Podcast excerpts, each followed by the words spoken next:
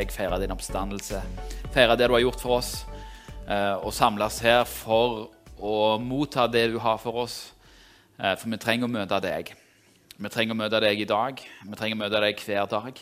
Vi trenger din kraft, for vi klarer oss ikke alene. Og derfor er vi her, Jesus.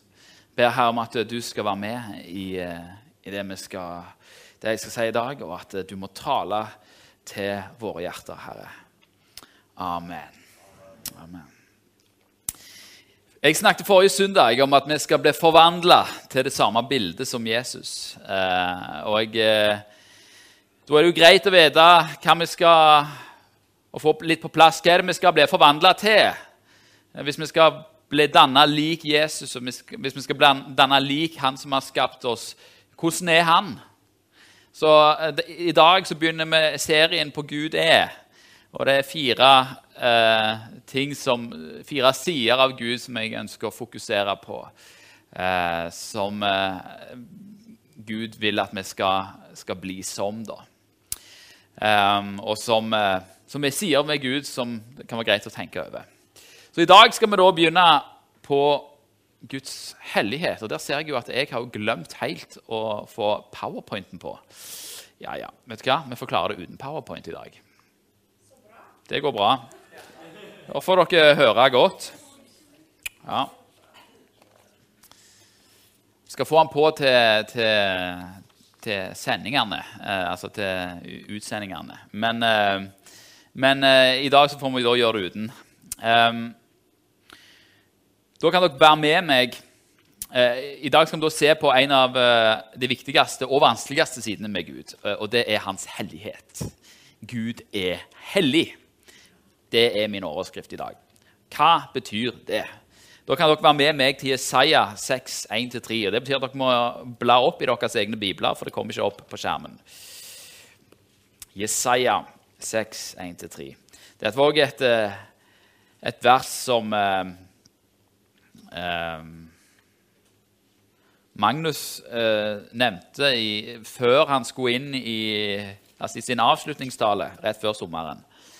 Eh, det er et veldig kjent eh, vers. Dette er når, når Jesaja møter Gud eh, i tempelet. Jesaja 6. Jesaja 6, vers 1-3. Kapittel 6, vers 1-3. Vi, vi, skal lese mye i kapittel 6, men vi skal begynne i vers 1-3. I det året da kong Ussia døde, så jeg Herren sitte på en høy, opphøyet trone, og slepet av hans kåpe fylte tempelet. Serafer sto omkring ham. Seks vinger hadde hver. Med to dekket han ansiktet, med to dekket han føttene, og med to fløy han. Og den ene ropte til den andre og sa, Hellig, hellig, hellig er Herren, herskarenes Gud. All jorden er full av Hans herlighet. Jesaja får møte Gud, og det han hører serafene, som da er englevesener som er helt nære Guds trone Det han hører de rope igjen og igjen, er 'Hellig, hellig, hellig er Herren herskarens Gud'. Gud er hellig. Men hva i all verden betyr det, at Gud er hellig? Hellig er et litt sånt ord som er litt svevende. Det er litt sånn uh, uhåndgripelig. Hva, hva, betyr det for noe? Hva, hva, vil det si? Hvis vi går inn i grunnteksten, da, så er det jo da på hebraisk i Gammeltestamentet så, så brukes ordet kadosh, eller kodesh, om ordet hellig. Uh, og det ordet kodesh, uh, eller kadosh Man er ikke helt enig om hvordan det uttales, fordi at på hebraisk så skrives eh, gammel hebraisk i hvert fall, så skrives bare konsonantene. Så det er gdsh som står. Så da må vi fylle inn vokalene sjøl. Så eh, kadosh eller kodesh eh, Det betyr da satt til side. Eller tilsidesatt. Og eh, for å forstå det tilsidesatt Det høres jo fryktelig negativt ut. at du er tilsidesatt. Men hvis du tenker på eh, mange, I mange norske hjem så finnes det sølvtøy. Eh, altså som man spis Altså, man har vanlig vanlige mm, jern- eller stålbestikk i eh, kniv og gaffel. Mens når, når jul kommer, eller en eller annen spesiell anledning, da henter man fram sølvtøyet. Da skal vi spise med det. Så det er på mange måter tilsidesatt for en spesiell anledning. Det samme med klær. sant? Bryllupsklær det er klær som er spesielle for spesielle anledninger. Bruker den bare én gang, kanskje. Eller, altså, du har da klær eller eh, Du kan tenke deg òg idrettsfolk når de er ute og springer på stadion eller spiller fotball, sant? så tar de på seg en uniform. Det er, en, det er et klesplagg som er tilsidesatt for en spesiell anledning. Så det ordet 'hellig' betyr da tilsidesatt. At det er noe annerledes enn det vanlige. Og eh, det greske ordet for hellig, det er hagios. Eh, det er det vi, Når vi leser om hellig i Det nye testamentet, så er det ordet hagios som, eh, som blir brukt. Og Det betyr òg i sin grunnleggende form annerledes. Sant? Så Et tempel ville jo da vært et hellig hus, for det er et annerledes hus eh, som, som, er til et annet bruk. Så tilsidesatt og annerledes, grunnleggende annerledes, det er, det er det som, eh, noe som er tilsidesatt, annerledes, spesielt utenom det vanlige.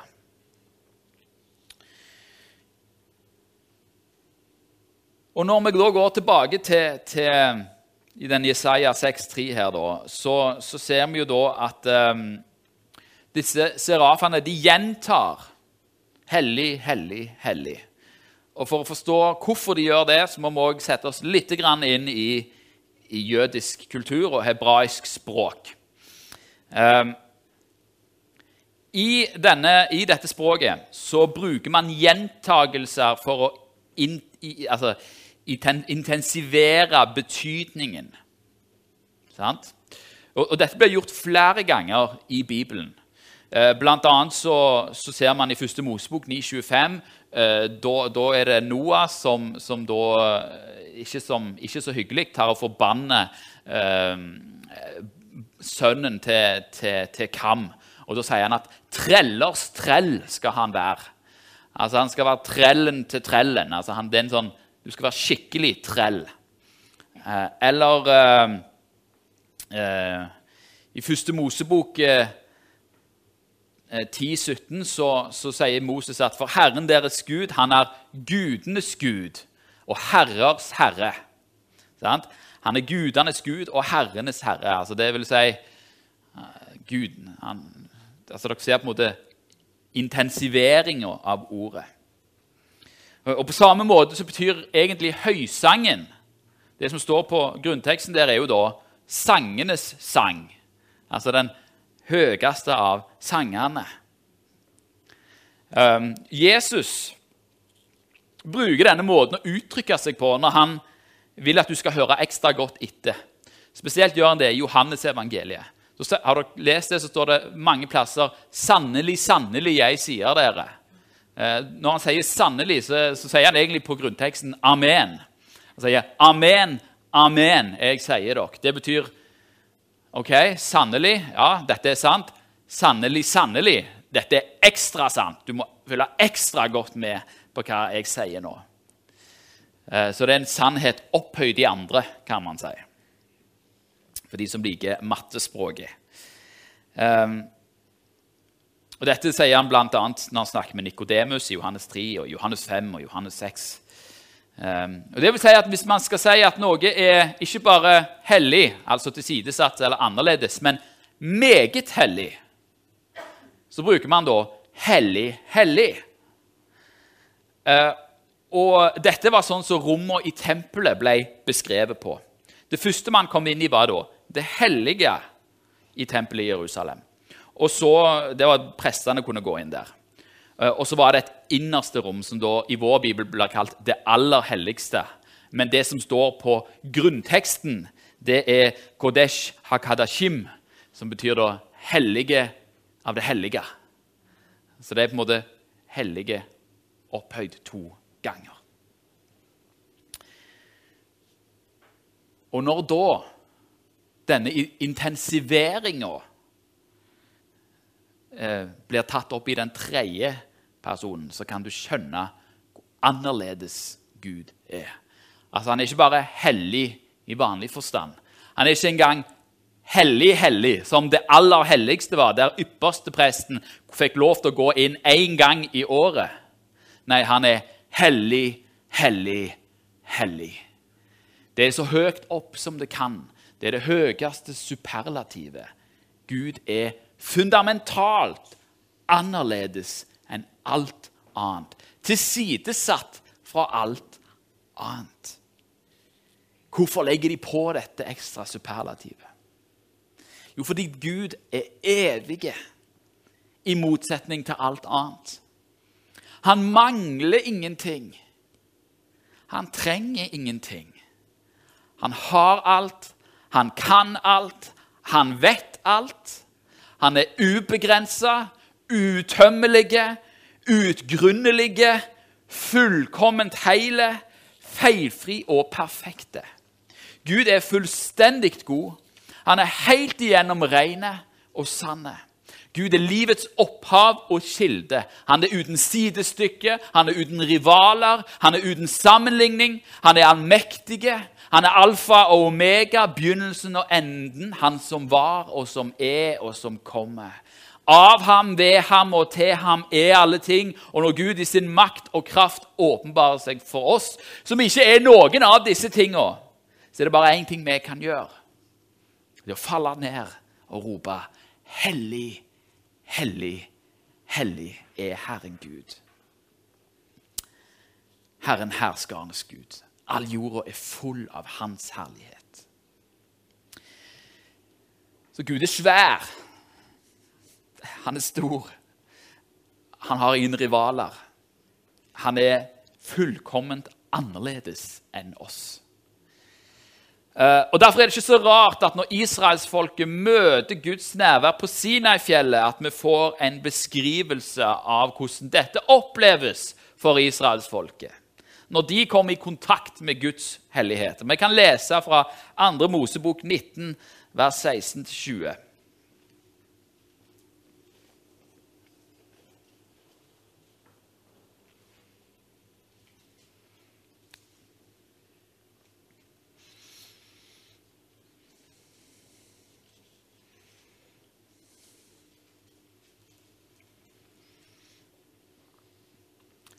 Så skjedde det Nå leser jeg fra vers 16 her, og så skal vi lese til vers 20.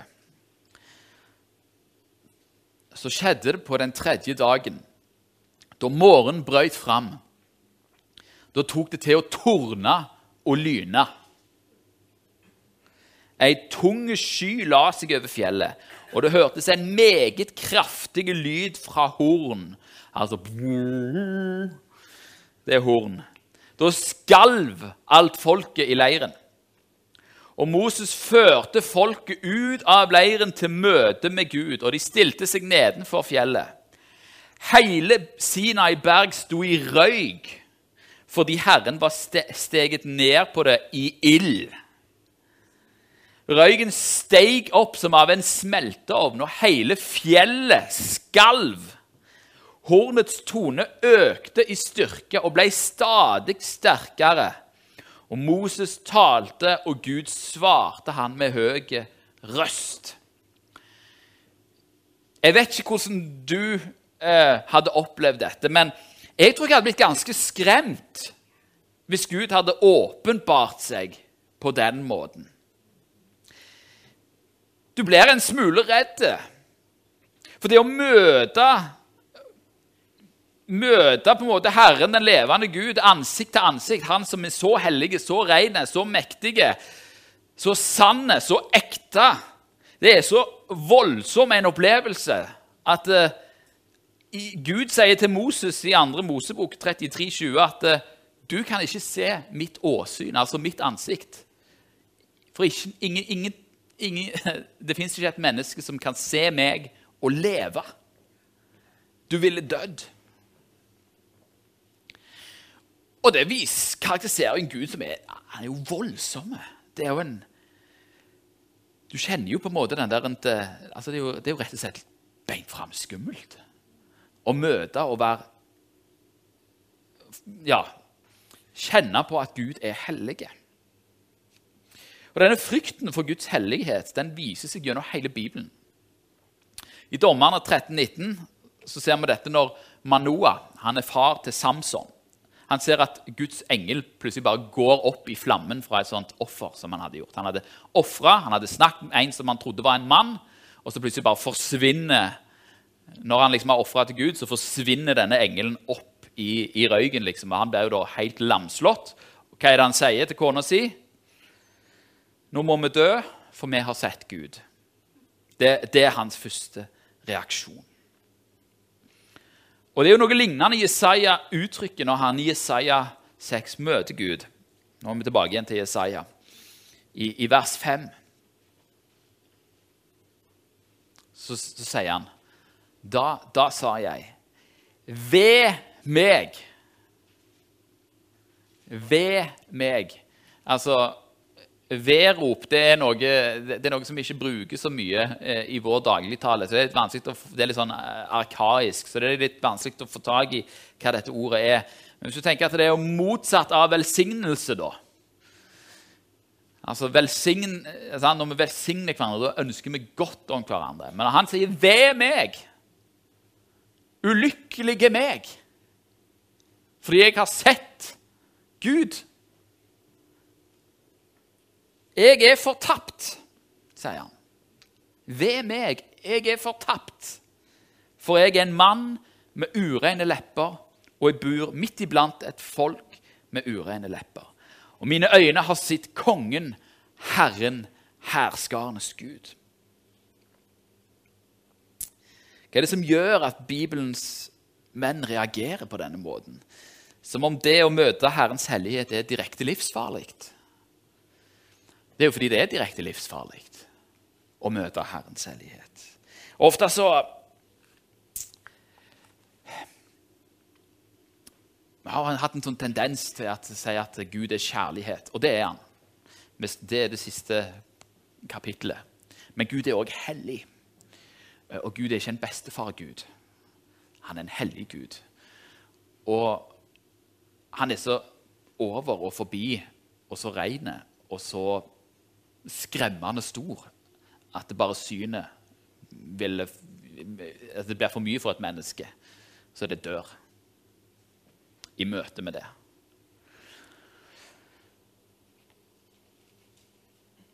Paulus sier det. Det er jo forferdelig å havne i den levende Guds hender, sier han. Hvorfor er det farlig å møte Guds hellighet? Hvorfor beskriver Gud, Bibelen Gud som denne voldsomme kraften? Jo, Det er fordi han er tvers igjennom sann og ekte. Han er helt sann, helt ekte. Hans kjærlighet er så ren at han brenner. 5. Mosebok kapittel 4, 24 sier at for Herren din Gud er en fortærende ild, en nidkjær Gud. Og vi er jo ikke feilfrie, og ikke er vi helt ærlige og helt ekte heller. Men Guds hellighet den avslører det vi er. Den avslører det vi er. Vi tror jo kanskje at vi er gode i oss sjøl av og til. Altså, normalt så går ikke vi rundt og tenker at å, jeg er en forferdelig person. jeg er en forferdelig person. Men i møte med Guds hellig, hellighet så blir vi forferdelige personer. For det avslører alt det vi er. Og så tvinger det synd fram i lyset. Som vi òg ser på Jesajas respons. Hva er det han sier? Jo, han sier at jeg er en mann med ureine lepper. Jeg er en mann som snakker stygt. Snakker stygt om folk. Snakker stygt om andre. Som ikke sier sannheten. Hebreerne 5 eller Hebreerne 4,13 sier at ingen skapning er skjult for ham. Alt ligger nakent og bart for hans øyne, som vi skal stå til regnskap for. Det er litt skummelt. Det er jo det. Det interessante da, er jo at eh, Når Peter treffer Jesus første gangen, så, så reagerer han på akkurat samme måte.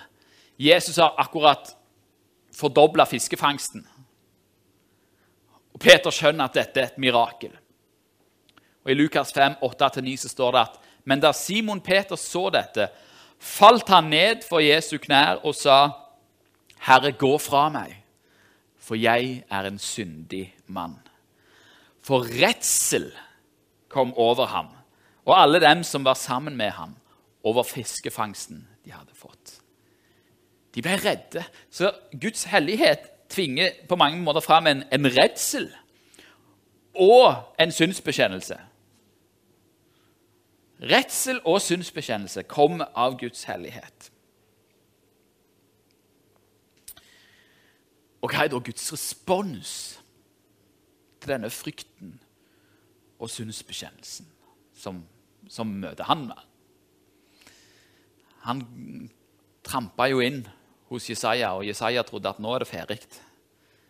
Eh, skal vi lese videre i Jesaja 6, vers 6-7. Da fløy en av serafene bort til meg. Han hadde en glødende stein i hånden. Med en tang hadde han tatt den fra alteret.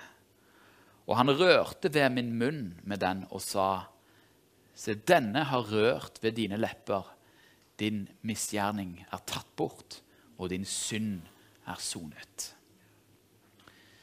Når alteret det var der de hadde brennoffer. Og på en fantastisk måte så peker dette fram mot evangeliet. For det fins en måte å overleve Guds hellighet på. Nemlig når et offer tar våre misgjerninger vekk. Når et offer soner vår synd, så vi blir rensa. Og På samme måte som Gud var initiativtaker til å fjerne Jesaja sin synd, så har Gud tatt initiativ til å fjerne alle menneskers synd ved sjøl å bli et menneske i Jesus Kristus og ved Jesu, kors, ved Jesu død på korset ta på seg straffen for alle mennesker for å rense oss og gjøre oss i stand til å stå i Guds hellighet. En av mine favorittvers i Bibelen det er i Matteus 27, vers 51. Vi snakket om tempelet og hvordan det var delt inn i det hellige og det aller helligste. Og Foran mellom der så var det et svært teppe. Det skulle forhindre mennesker å komme inn i Herrens herlighet, for da hadde de dødd. De hadde dødd. Derfor var det et svært teppe der. For i det aller helligste, der var Herrens herlighet.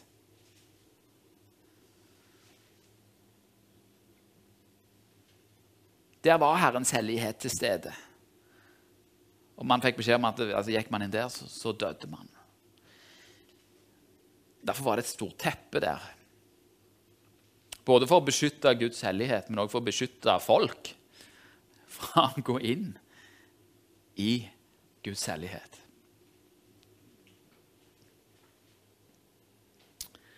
Så det som da skjer, er at eh, når Jesus dør, så revner dette forhenget. Det står at eh, forhenget i tempelet revnet i to, ovenfra og ned. Og jorden skalv, og klippene revnet. Når Jesus dør på korset, så, så blir dette skillet mellom mennesker og Guds hellighet det blir borte. Og Hebreabrevet 4,16 sier at vi med frimodighet kan tre fram for nådens trone, for at vi kan få miskunn og finne nåde til hjelp i rette tid. Vi kan òg gå rett inn. Rett inn i Guds hellighet. Men ikke, ikke i oss sjøl. Ikke, ikke på våre egne meritter. Nei, på grunn av det han har gjort. Han har bana en vei inn i Guds hellighet. Det som fører til død for alle mennesker som møter Guds hellighet, det blir nå til liv for oss fordi Jesus har gjort godt inn først. Han var hellige.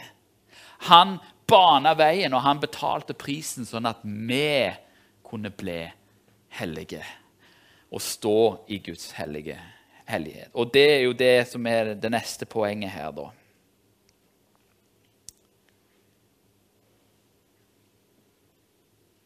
For det skjer noe spesielt med Guds hellighet. Når Gud møter Moses i ørkenen, så får Moses en beskjed i 2. Mosebok 3, vers 5. Kom ikke nærmere, dra dine sko av føttene, for det stedet du står på, er hellig grunn. Hva er det som gjør det stedet som Moses står på, til hellige grunn? Er det noe spesielt med akkurat det stedet i seg sjøl?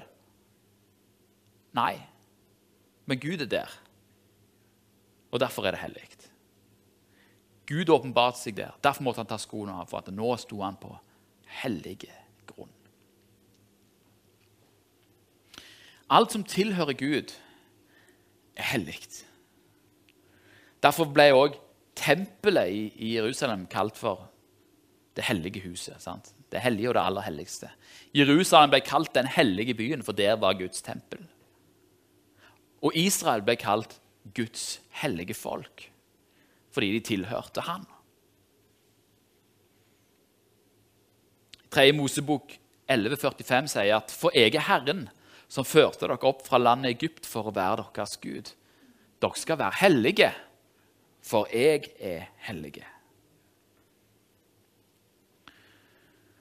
Og Så vanæra Israel stadig vekk denne helligheten. Men gjennom Jesus så har vi fått lov til å bli hellige og ta del i Guds hellighet. Ta del i Guds annerledeshet. Og det er jo både bra og litt skummelt. For hva betyr det? Betyr det at folk skal være livredde når de ser oss?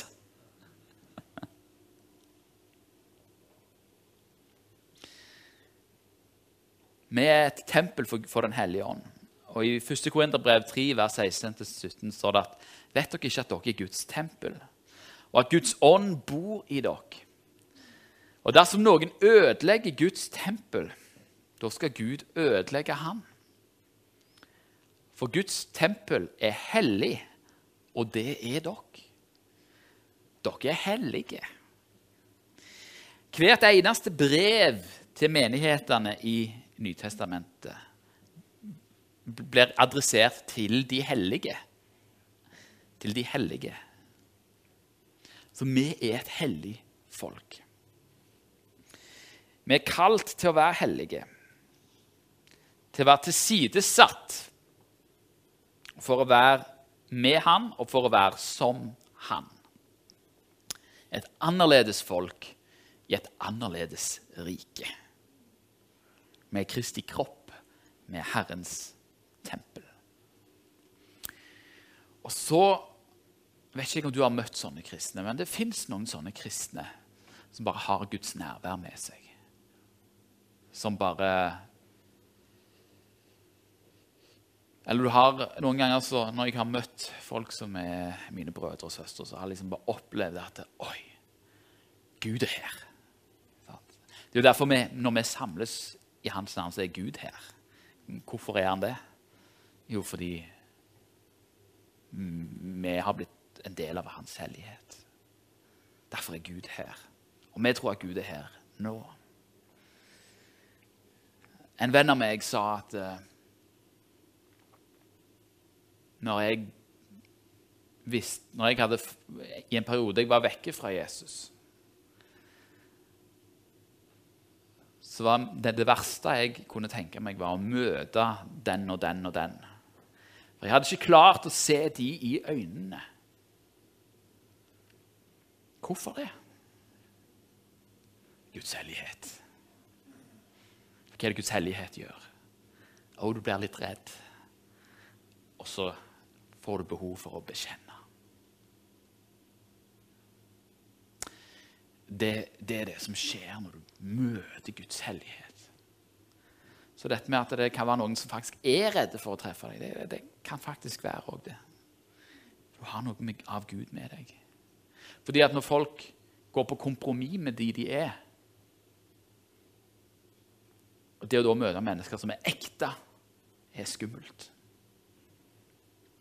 Så må jo da vi være sånne mennesker som er ekte. Og jeg lengter etter det. Jeg lengter etter å se at vi som mennesker og menighet blir sånne mennesker, sånne som Jesus. Fyrtårn som peker på Jesus. Vi er jo gjort hellige gjennom Jesus. Vi tilhører ham. Vi bærere av Den hellige ånd. Vi har fått lov gjennom Jesus til å komme inn i Guds hellighet og da overleve. Og bli forvandla til det samme bildet. Bli sånn han. Sånn at vi kan bli fulgt av Ånden, av Gud sjøl, og bære Han med oss, og Hans nærvær med oss i vår hverdag. Derfor er det det jeg ønsker å gjøre nå. For jeg, jeg tror ikke bare på å forkynne, vi må også praktisere ord og handling. Vi er Guds folk. Gud er her midt iblant oss. Og jeg ønsker at vi skal oppleve Hans hellighet. Så er det opp til Gud om han vil vise sin hellighet. Jeg kan ikke styre Gud. Men jeg kan invitere Gud. Og vi kan invitere Gud. Eh, så vi skal synge litt den sangen som, eh, som, eh, som vi sang. Og det kan være at Guds, Hvis Guds nærvær kommer, så kan det virke litt skremmende. For Gud er Gud. Er Gud. Han er hellig.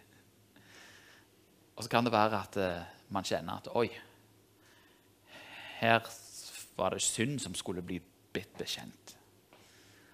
Og da må man gjøre det òg, tenker jeg. Gjør det. Ikke vær redd for det.